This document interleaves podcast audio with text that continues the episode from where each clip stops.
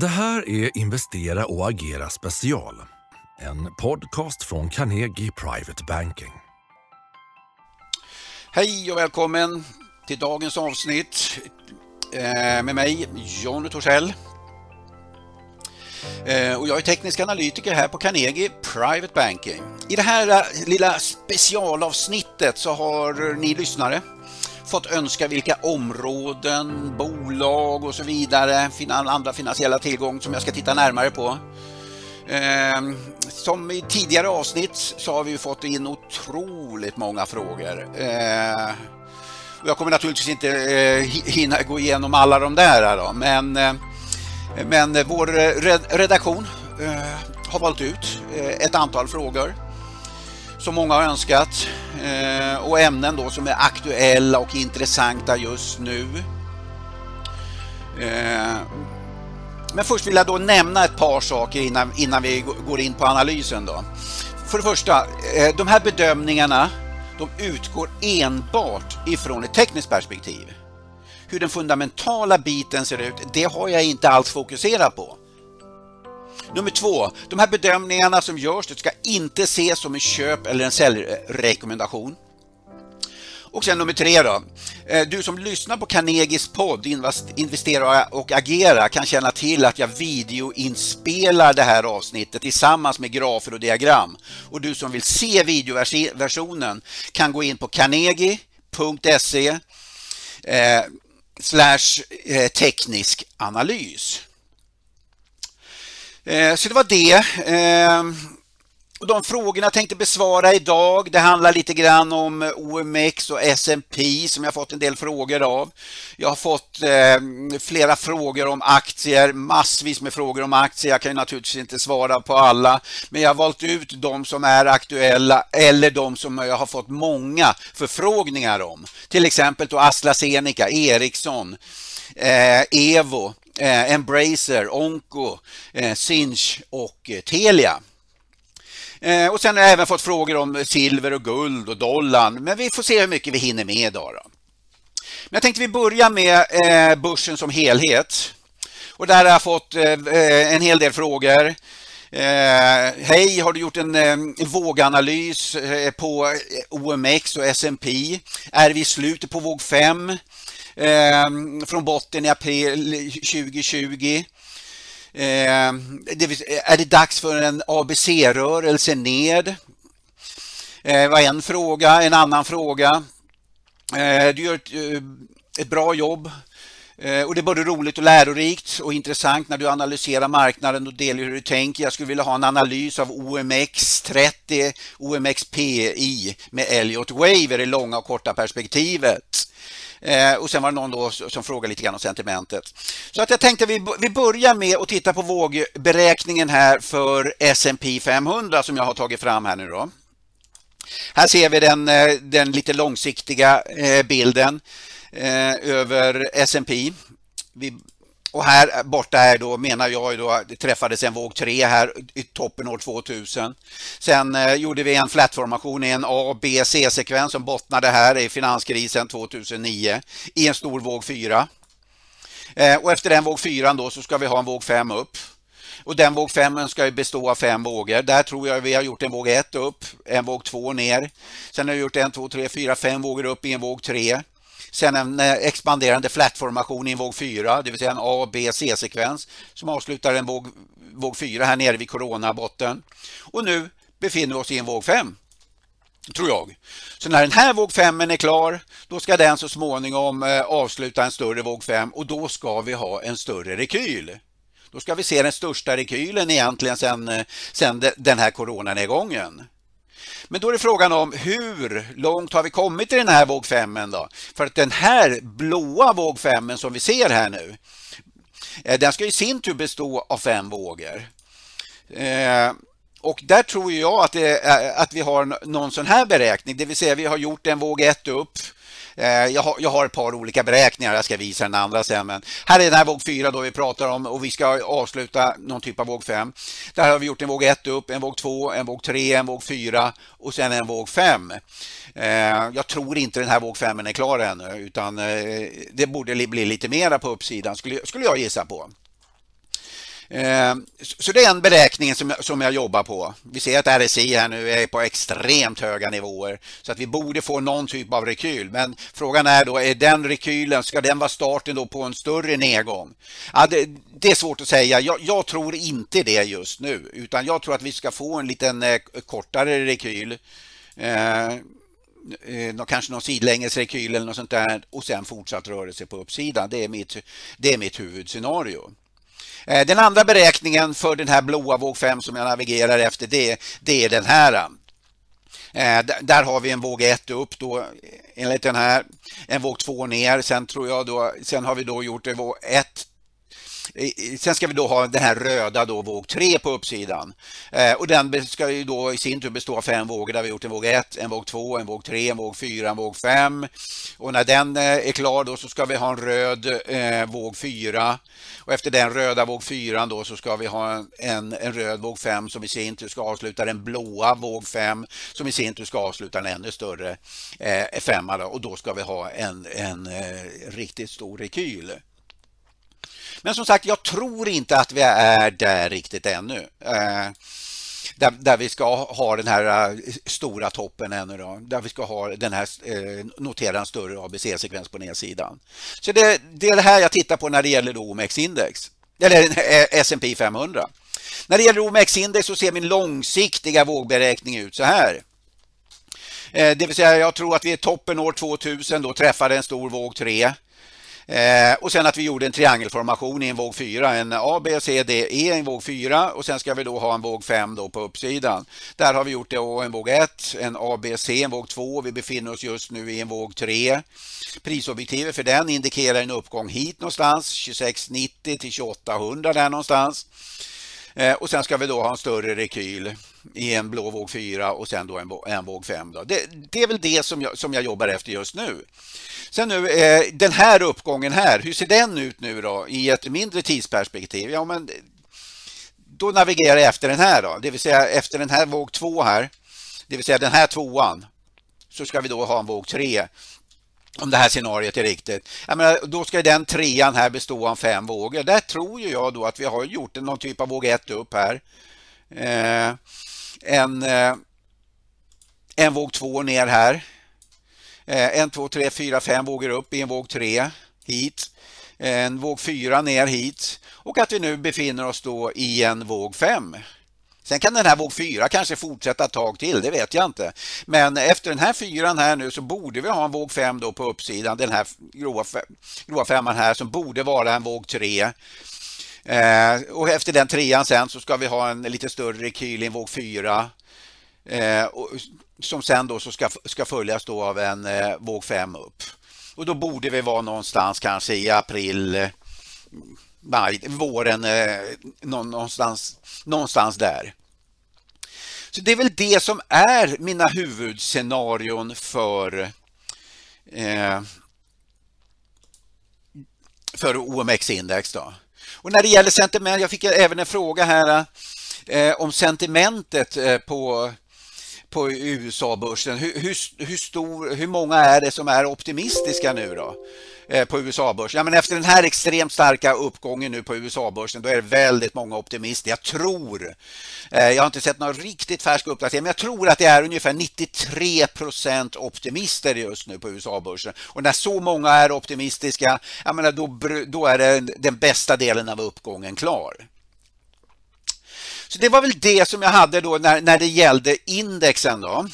Eh, då ska vi se vad vi hade med för fråga här. Jo, här hade vi en fråga. Oncopeptides är på allas läppar. Hur ser eh, Carnegie på bolaget? Aktiens värde etc. Jag, har in, jag tittar inte fundamentalt på det här som jag pratat om, eh, utan eh, jag tittar på det här rent tekniskt. Då. Och jag har även fått andra, eh, även andra som, som har frågat om oncopeptides. Och så här ser den ut på riktigt lång sikt. Här ser vi då utvecklingen sedan 2017.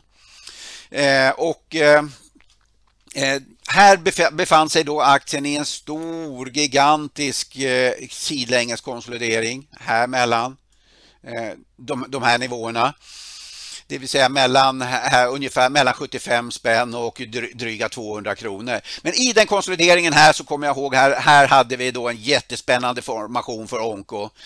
Eh, en stor huvudskuldraformation där vi då fick en köpsignal här och när vi fick den köpsignalen då tog jag ut mitt prisobjektiv som indikerade då en uppgång hit.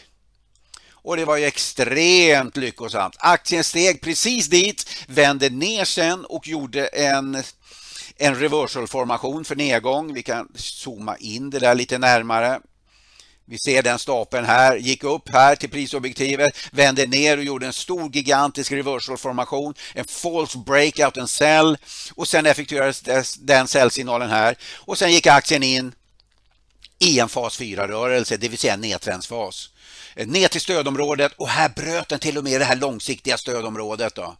Eh, och sedan dess, nej men den här fas 4, det vill säga nedtrendsfasen i aktien fortsätter och jag har än så länge inga signaler om att den här nedtrenden är över.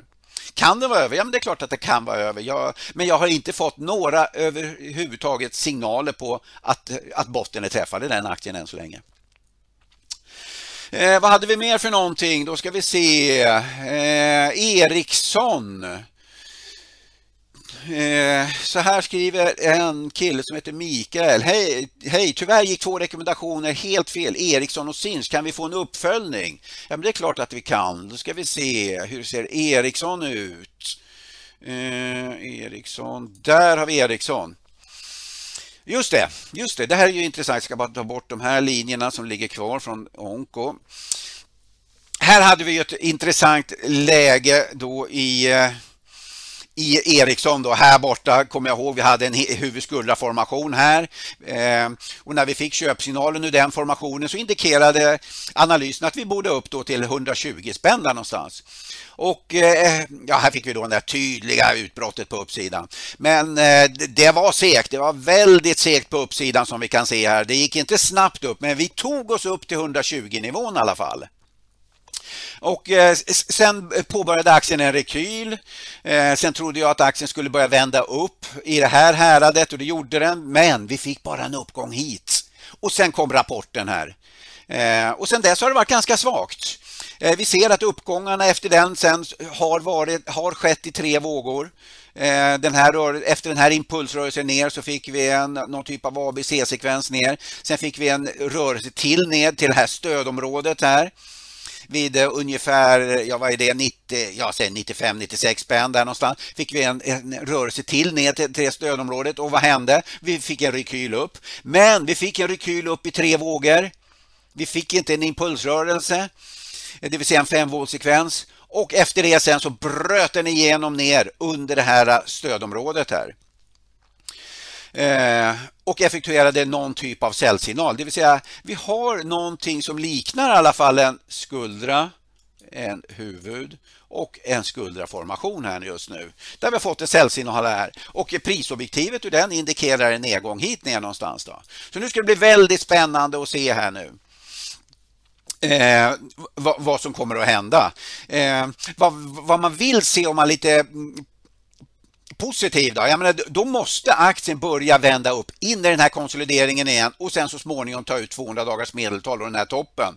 Eh, det vill säga här då någonstans, det vill säga 106 spänn eller, eller vad det nu kan vara för någonting.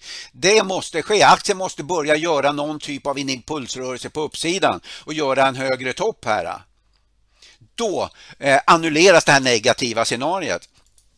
Eh, det, det blir mer negativt om vi skulle gå in här och gå över 50 dagars medeltal och något sånt där. Då, då går det över till neutralläge. Men så länge i, eh, aktien befinner sig under eh, den här eh, stödnivån här, nu ser vi nu är den precis på den här viktiga nivån igen. Så nu ska det bli väldigt spännande att se hur den reagerar här. Det vi vill se naturligtvis, det är naturligtvis att det här börjar, börjar vända upp igen och ta sig in i den här neutralzonen och så småningom ta sig över det här eh, eh, motståndet då, då börjar det här bli riktigt spännande igen. Skulle det ske, ja, men då tror jag att vi kommer få den här rörelsen upp mot 120 och kanske till och med högre så småningom. Men så länge eh, aktien befinner sig under här nu och skulle, skulle börja vända ner här, kanske till och med skulle ta ut den här botten, ja, men då befinner vi oss i en, en svagare fas helt enkelt. Så Så det är väl det som, eh, som jag har när det gäller Ericsson. Då. Sen har jag fått många frågor också om Sinch. Eh, hur ser den ut då? Jo, men den ser ut så här. Här hade vi ett läge här borta. Här trodde jag då att aktien skulle börja vända upp, det vill säga jag trodde att, att det här var en våg 1. Det vill säga här räknade jag med att det här var en våg 3. Sen gjorde vi tre vågor ner, en A, B, C-sekvens ner. Det här räknade jag då var en våg 4. Eh, och sen trodde jag då att vi har gjort en våg 1 upp i våg 5. Vi ska ju ha en våg 5 då upp efter en våg 4 då naturligtvis. En vett ett, en våg 1 upp i våg 5, en våg 2 och här trodde jag då att vi skulle ta fart då i en våg 3. Eh, och effektuera en köpsignal. Och sen så småningom då så fick vi eh, ytterligare en, ett, ett köpcase här eh, och då räknade jag med, okej okay, vi har en inverterad huvudskuldaformation här dessutom eh, med ett prisobjektiv hit upp. Men som vi kan se aktien nådde inte det utan aktien nådde bara hit upp. Eh, och då är frågan om, kan det här vara då en våg eh, 1 i våg 5. Det här var då en våg 2 i våg 5, kanske en liten våg 3 i våg 5, en våg 4 i våg 5, kanske en liten triangelformation här som avslutades här och sen då en våg 5 i våg 5. Eh, för efter det sen så har vi fått nu en större rekyl. Aktien rekylerade här eh, ner till 200 dagars Eh, upp i tre vågor till 50 dagar, slog i huvudet och sen började den braka på i samband med rapporten här nu då. Och eh, vi har, eh, har ett viktigt stödområde här nu vid eh, ungefär 120 spänn. Det vill säga, det där var inte snyggt ritat utan här vid 120 spänn så har vi ett, ett stödområde.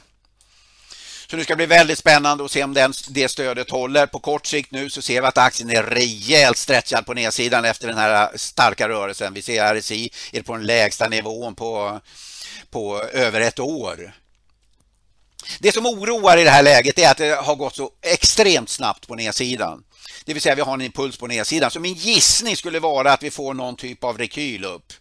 Eh, och efter det sen en, en, en ny nedgång. Eh, där vi kanske då får börja få lite mer positiva divergenser. Så att just nu, eh, aktien är kortsiktigt översåld. Eh, borde få en, eh, en, en liten studs på uppsidan men jag, jag, ser inga tecken här än så länge på att botten är träffad i Sinch. Eh, så det var det om Sinch. Vad hade vi mer för någonting? Eh, Hej, jag skulle vilja att Jonny ger sin tekniska syn på Evo och Embracer. Och jag har fått flera frågor just om Evo och Embracer faktiskt. Så att, låt oss kolla, börja kolla på eh, Evo då och se hur den ser ut. Den ser ut så här. Här, så här, här, har vi då Evolution och mitt scenario i Evolution är följande, det vill säga jag tror att vi har gjort en stor våg 3 här uppe. Och efter en våg 3 ska vi ha en våg 4. Eh, det vill säga en A, B, C-sekvens. Och där tror jag då att vi har gjort en A-våg ner här. Sen tror jag att vi har gjort en triangel, en A, B, C, D, E i en triangel i en, i en våg B. Trianglar förekommer på två ställen, nämligen i en B-våg och i en våg 4. Och sen efter det så eventuellt då en våg C här. Och den våg C då ska avsluta en våg 4 Eh, och om det här scenariet är riktigt, då ska vi ha då naturligtvis då en våg 5 här då på uppsidan.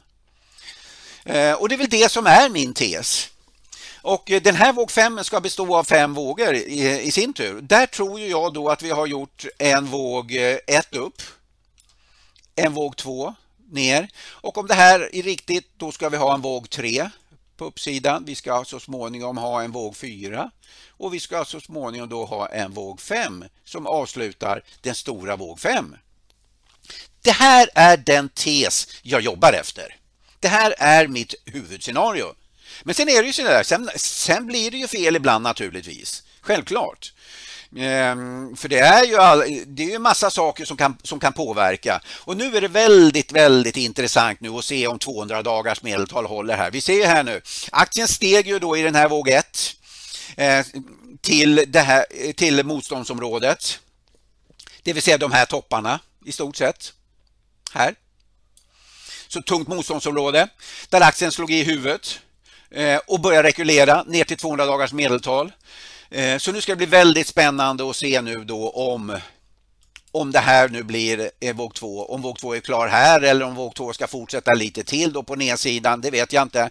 Men var har jag fel då någonstans? Ja, men jag har fel om den här lägsta nivån eh, punkteras, det vill säga om aktien skulle vända ner under den här botten, då är det någonting annat som är på gång.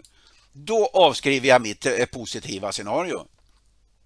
Men fram till dess det sker så, så är det, det här ändå mitt huvudscenario, det vill säga då att vi har en våg 1 upp, eh, jag siktar på en våg 2 här ner någonstans nu. Då borde det börja vända upp här snart och sen då ska vi ha en våg 3. Och, och vad vet vi om våg 3? Ja, men den brukar vara en ganska snabb rörelse på uppsidan. Så, då, så det är det som jag håller ögonen på. Lite starka staplar då på uppsidan då för att verifiera att det här skulle då kunna vara min våg 3. Så så det är väl de eh, ledtrådarna då som jag håller, eh, håller ögonen på här nu för att verifiera eller avfärda det här scenariot som jag jobbar efter. Eh, vad var det mer? Embracer, ja just det, den var det också många som har frågat efter här. Eh, vi ska se, Embracer, där har vi den. Eh, vad har vi där? Just det, det här är ju intressant. Eh, Aktien befinner sig just nu, som jag ser det, i en våg eh, i en fas 4. Fasanalysen är lite annorlunda än Elliot-analysen. Eh, vi vet ju det, de som har läst mina böcker, att börsen rör sig i fyra faser. Vi, vi, vi har nedgångar, vi har uppgång, eller sidlängesrörelser, vi har uppgångar, sen har vi toppformationer, sen har vi nedgångar, sen har vi botten och sen börjar de här faserna om igen. Eh, och när vi har gått ned efter en period Eh, så går börsen då oftast in i någon, någon typ av sidlängesfas. Och den fasen då kallar vi då fas 1. Det vill säga en bot, bottenfasen efter en nedgång. Och när det så småningom sen bryter ut uppåt ur den här eh, bottenfasen, ja men då går vi in då i den här härliga upptrendsfasen som vi kallar då fas 2. Efter fas 2 så småningom så kommer den här härliga upptrendsfasen eh, tar slut och då går vi in i fas 3, det vill säga toppfasen. Den kan se ut på många olika sätt naturligtvis. Det kan vara huvudskuldraformationer, det kan vara rektangelformationer och så vidare och så vidare. Eh, fas 3 och när det sen så småningom bryter ner under eh, den här fas 3, den här konsolideringsbottnarna då, då går vi in i fas 4, det vill säga då eh, nedtrendsfasen. Och efter fas 4 sen så återvänder vi då igen till fas 1. Bara en liten crash course i den här eh, fasanalysen. Då. Eh, kan ta bort den och så tar vi bort det där. Och här ser vi då ett exempel då på hur, det kan se ut. Här borta hade vi då den här härliga upptrendsfasen, det vill säga fas 2. Eh, sen gick aktien in här borta in i en konsolidering och i det här fallet visade det sig den, sen då att det var en fas 3.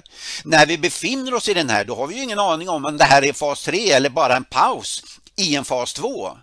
Det vet vi först när det här bryter ut på nedsidan och här borta fick vi utbrottet på nedsidan. Det vill säga här, då bröt det ner under 200 dagar som en stor stapel och en hög och, eh, omsättning. Nu ser vi inte omsättningen här, det kan vi faktiskt ta och lägga till. Här fick vi det nedbrottet och sen då gick vi in i en fas 4. Eh, och det är där jag menar att vi befinner oss eh, just nu. Kan det vara så att det här är starten på en fas 1? Ja, men det, absolut, visst kan det vara det, men då måste det börja bevisa sig. Då måste det här nu så småningom börja bryta ut uppåt ur den här konsolideringen. Får vi det här utbrottet på uppsidan, ja, men då kan det här ta sig upp mot eh, den här toppen och 200 dagars medeltal upp mot den 105 där någonstans. Skulle det här istället då börja fortsätta konsolidera och kanske eh, bryta ut neråt, nej, men då vet vi att det här fortfarande eh, att vi fortfarande befinner oss i en fas 4. Och Det gör vi då fram till dess vi får signaler då motsatsen, det vill säga att det här börjar vända uppåt då efter den här nedtrendsfasen.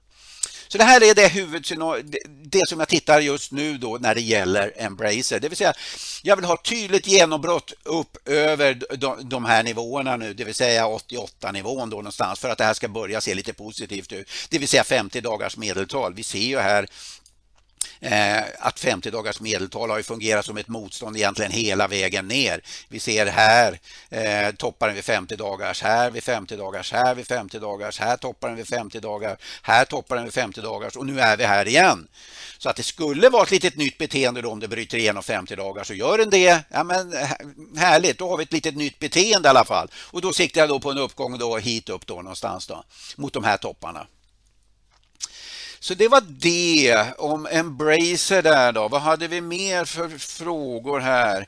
Eh, Embracer eh, här. Hej Jonny, är intresserad av din tekniska analys på Embracer, ja den har vi just tittat på, eh, Embracer och AstraZeneca. Eh, just det, hur ser Astra ut där ja? AstraZeneca, där har vi den. Just det, det här är ju väldigt, väldigt intressant. Det här ska vi visa någonting spännande. Nu ska vi se, jag ska bara ta bort alla trendlinjer här först. Eh, Dölja allt så. Här, borta, här ser vi ett månadsdiagram över Astra. Eh, och vid den här stapeln här nere där, det vill säga det var i, eh, när var det? Det var i mars tidigare år. Då fick vi en stor key reversal stapel för uppgång i månadsdiagrammet. Och vi vet hur det är. En, en, en reversal stapel i månad är viktigare än en reversal stapel i veckodiagrammet. En reversal stapel i veckodiagrammet är viktigare än en reversal stapel i dagsdiagrammet och så vidare och så vidare. Det vill säga ju större orsak desto större verkan. Och här fick vi då en viktig signal för uppgång då i mars. Och eh, efter den signalen så har jag ju navigerat efter att AstraZeneca ska gå upp eh, minst till den här toppen eh, men eh, sannolikt även förbi. Det vill säga jag har ett prisobjektiv hit upp någonstans. Vi ska se hur det ser ut. Jag ska lägga tillbaka mina, mina linjer. Så här ser det ut. Vi går över och tittar på ett veckodiagram till att börja med. Så här ser det ut. Här var den eh, månadsstapeln då där jag började prata om att Astra ska upp, Astra ska upp rejält. Eh, och mitt prisobjektiv för Astra det är en eh, uppgång hit bort någonstans. Här är mitt målområde, det vill säga vid 12, ja, säg 1200 till 1250 eller vad det nu kan vara för någonting. och då menar jag då på att de här två vågorna skulle vara lika långa, det vill säga uppgången härifrån eh, ska vara lika lång som den här rörelsen hit upp, det är hit. Och sen gjorde vi en, en rörelse hit upp, det vill säga någon typ av, jag, jag kallar det här en A-våg, sen en B-våg. Eh, och om det här är riktigt då ska C, A och C-vågen vara lika långa och det är hit upp. Så alla mina prisobjektiv indikerar en uppgång hit någonstans. Då. Så det är det som är mitt huvudscenario för AstraZeneca här under det kommande halvåret eller någonting sånt här. Men okej, okay, var har jag fel någonstans då? Jo, det jag inte vill se nu det är ju att eh, Astra då skulle börja vända neråt här nu med lite kraft. Eh, börja göra lite stora staplar på nedsidan eh, och gå ner in i den här konsolideringen igen. Det, det skulle jag ju... Det vill jag inte se här och nu. Utan det jag vill se här nu det, det är lite starkare staplar nu på uppsidan. Jag ska även kanske titta på dagsdiagrammet här bara lite kort. Så här ser det daily chartet ut och här ser vi då mina prisobjektiv nu då. Så att eh, det jag inte vill se som sagt en nedgång under, ner in i den här konsolideringen under 50 dagars medeltal under den här botten, det vill säga ner under eh, 10-22. Eh, det skulle vara lite oroande i min värld. Då. Men fram till dess det sker, mitt långsiktiga scenario i Astra, det är positivt. Eh, hej John, nästa fråga här då. Hej John, intressant att höra vad du tror om Telia. Ska ökenvandringen eh, neråt fortsätta för evigt? Med vänlig hälsning PM. Låt oss kolla på Telia. Telia där, nej det var inte Telia, det var Tele2, där ska vi se. Så här ser Telia ut. Eh, vad har vi där för någonting? Vi kan ta, börja med att kolla på lite större perspektivet först. Då. Här ser vi ett veckodiagram då från, eh, från eh, toppen då 2007 och sen är det verkligen som PM skriver här, det är, har verkligen varit en ökenvandring. Det här eh, har ju varit riktigt, riktigt svag den här aktien. Stegvis lägre toppar. Sen har vi ett viktigt stödnivå här nere då, då nere åt ett 32 spänn där någonstans. Tittar vi sen på hur det ser ut här då sen eh, sen botten då i mars eh, förra året så har ju aktien i likhet med börsen gått upp men den har gått upp enormt mycket svagare än vad börsen som helhet har gjort. Eh, vi ser här, vi har högre bottnar och högre toppar så det är någon typ av upptrend. Men som vi kan se här borta eh, i, eh, i början på oktober så bröts den här uppåtgående trenden och aktien har sedan eh, gått in i en, någon typ av fas 4. Så här ser den ut i ett, i ett dagsdiagram. Här ser vi nu att aktien befinner sig under 50 dagar, 200 dagar, så alla medeltal pekar ner. Vi har haft en stark impulsrörelse på, på nedsidan här som vi kan se.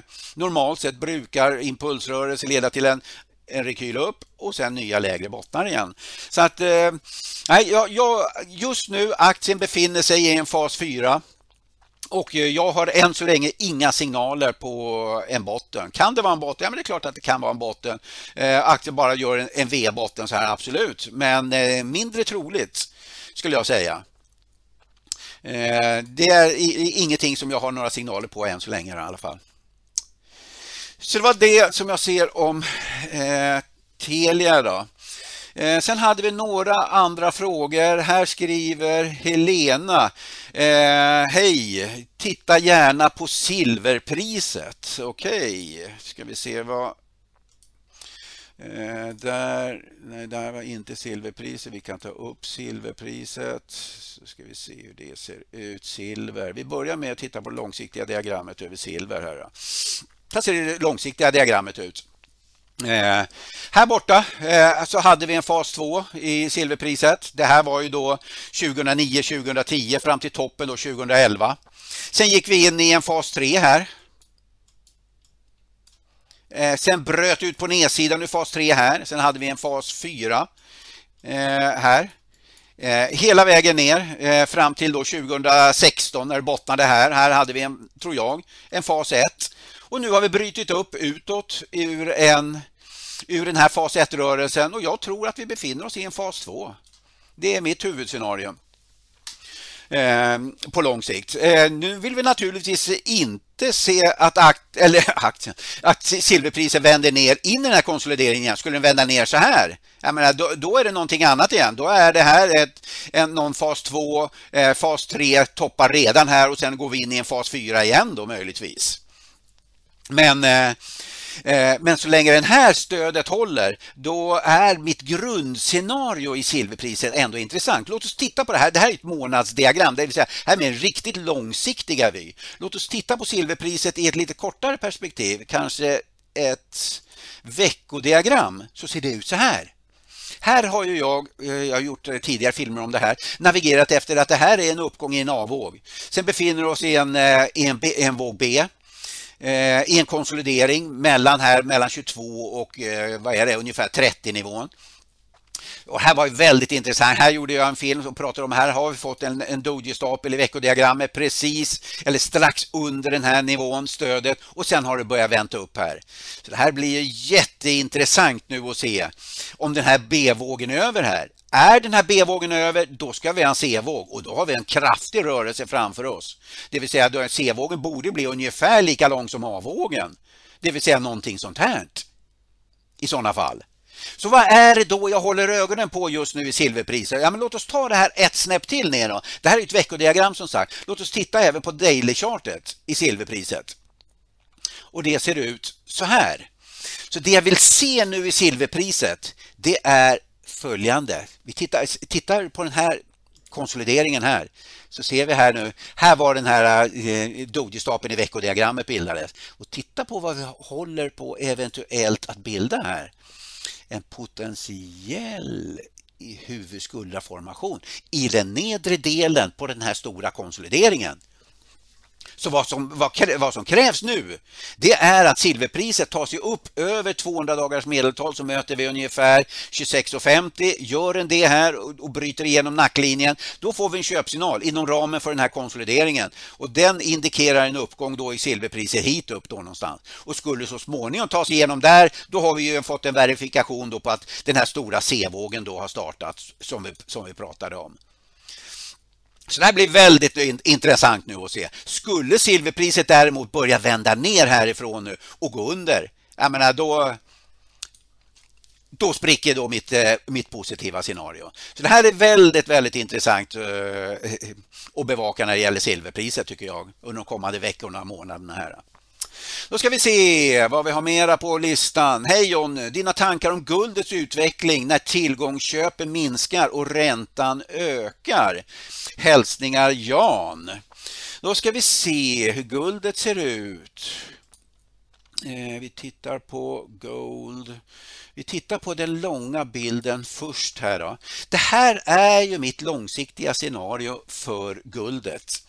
Eh, och det är att vi befinner oss Eh, sen den här botten här så tror jag då att eh, här fick vi en köpsignal, en huvudskuldaformation som indikerade en uppgång till den här toppen och det gick dit upp nu och sen har vi gått ner och bildat någon typ av konsolidering. Och den här rörelsen var ju väldigt stark eh, som, vi, som vi kan se i RSI-indikatorn här. Och när den här typen av rörelser bildas, den här starka eh, RSI-rörelser, då utgår jag ofta ifrån att vi har någon typ av våg 3. Så det här tror jag är en våg 3. Om det här är våg 3 då skulle det här kunna vara en våg 1, det här är en våg 2 och som sagt det här är en våg 3. Eh, det här skulle då kunna vara en våg 4 och om det här scenariot är riktigt ska vi då upp i en våg 5.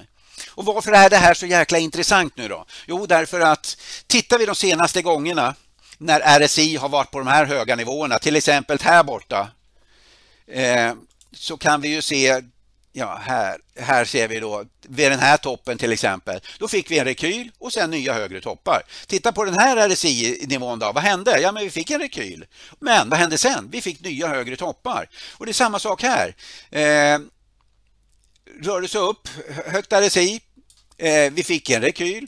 Men jag räknar sen så småningom då med nya högre toppar. Eh, och så har vi en RSI eh, eh reverse divergence eh, setup här precis som vi, som vi hade här borta. Det vill säga RSI här det är lägre än vad det var vid här fast prismässigt så var den högre. Och det hade vi precis vid den botten här borta också och samma sak vid den här botten. Eh, så att mitt grundscenario för guldet det är att guldet borde upp. Jag tror på en våg 5 på uppsidan. Okej, okay.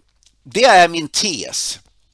Så vad är det då jag håller ögonen på nu då? Ja, men låt oss titta på guldet i ett förstora upp det här lite granna.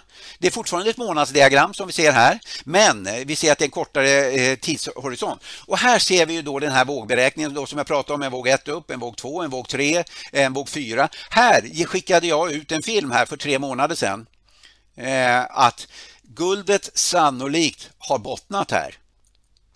Eh, en, sannolikt i en våg 4 och om det här är riktigt då som sagt då ska vi upp i en våg 5. Eh, och då menade jag att vi får en köpsignal då om guldet bryter upp över högsta nivån i den här stapeln. Men det har inte hänt. Titta vad som har hänt. Vi, vi har fått eh, en månad här Eh, med konsolidering, ytterligare en månad med konsolidering och sen eh, återigen här nu i november så har vi någon typ av konsolidering än så länge. Det vill säga vi har än så länge inte tydligt brutit ut på uppsidan. Det ska ju bli väldigt spännande nu att se om, vi, om, om guldet då kan, kan bryta igenom här nu. Eh, den här fallande trenden och den, den, här eh, reversalformationen här, den stora doji-stapeln här. Och gör den det då, då har vi ett första motstånd här uppe och så småningom sen då så tror jag att, då, att vi kan ta oss igenom då eh, den här toppen och, och gå upp i en våg 5. Så tittar vi här på ett riktigt kortsiktigt scenario i guldet så ser det ut så här nu. Här ser vi ett daily chart. Eh, och eh, det som krävs nu för guldet för att vi ska få den här indikationen då på att Eh, på att mitt scenario är riktigt, ja men då ska guldet bryta igenom de här topparna. Det här är samma toppar då som vi pratade om alldeles nyss. Det vill säga 1840 nivån. Sen vill jag ju naturligtvis att den här blåa trendlinjen ska passeras också då, självklart.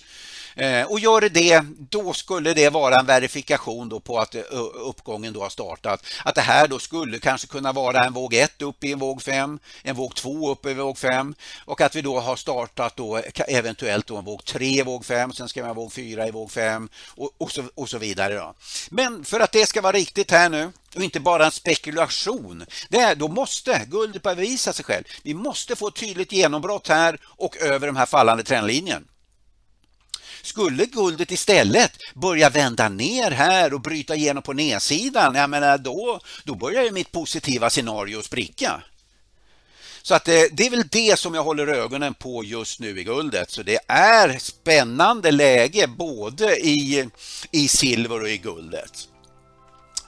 Eh, nu har tiden dragit iväg rejält här så att eh, nu avslutar vi det här. Så ett stort tack för att du har tagit dig tid att lyssna på mig. Eh, tack så mycket! Du har väl inte missat veckans aktiecase? Skriv upp dig på vårt nyhetsbrev på carnegie.se privatebanking för att ta del av aktierna och investeringarna vi tror på just nu.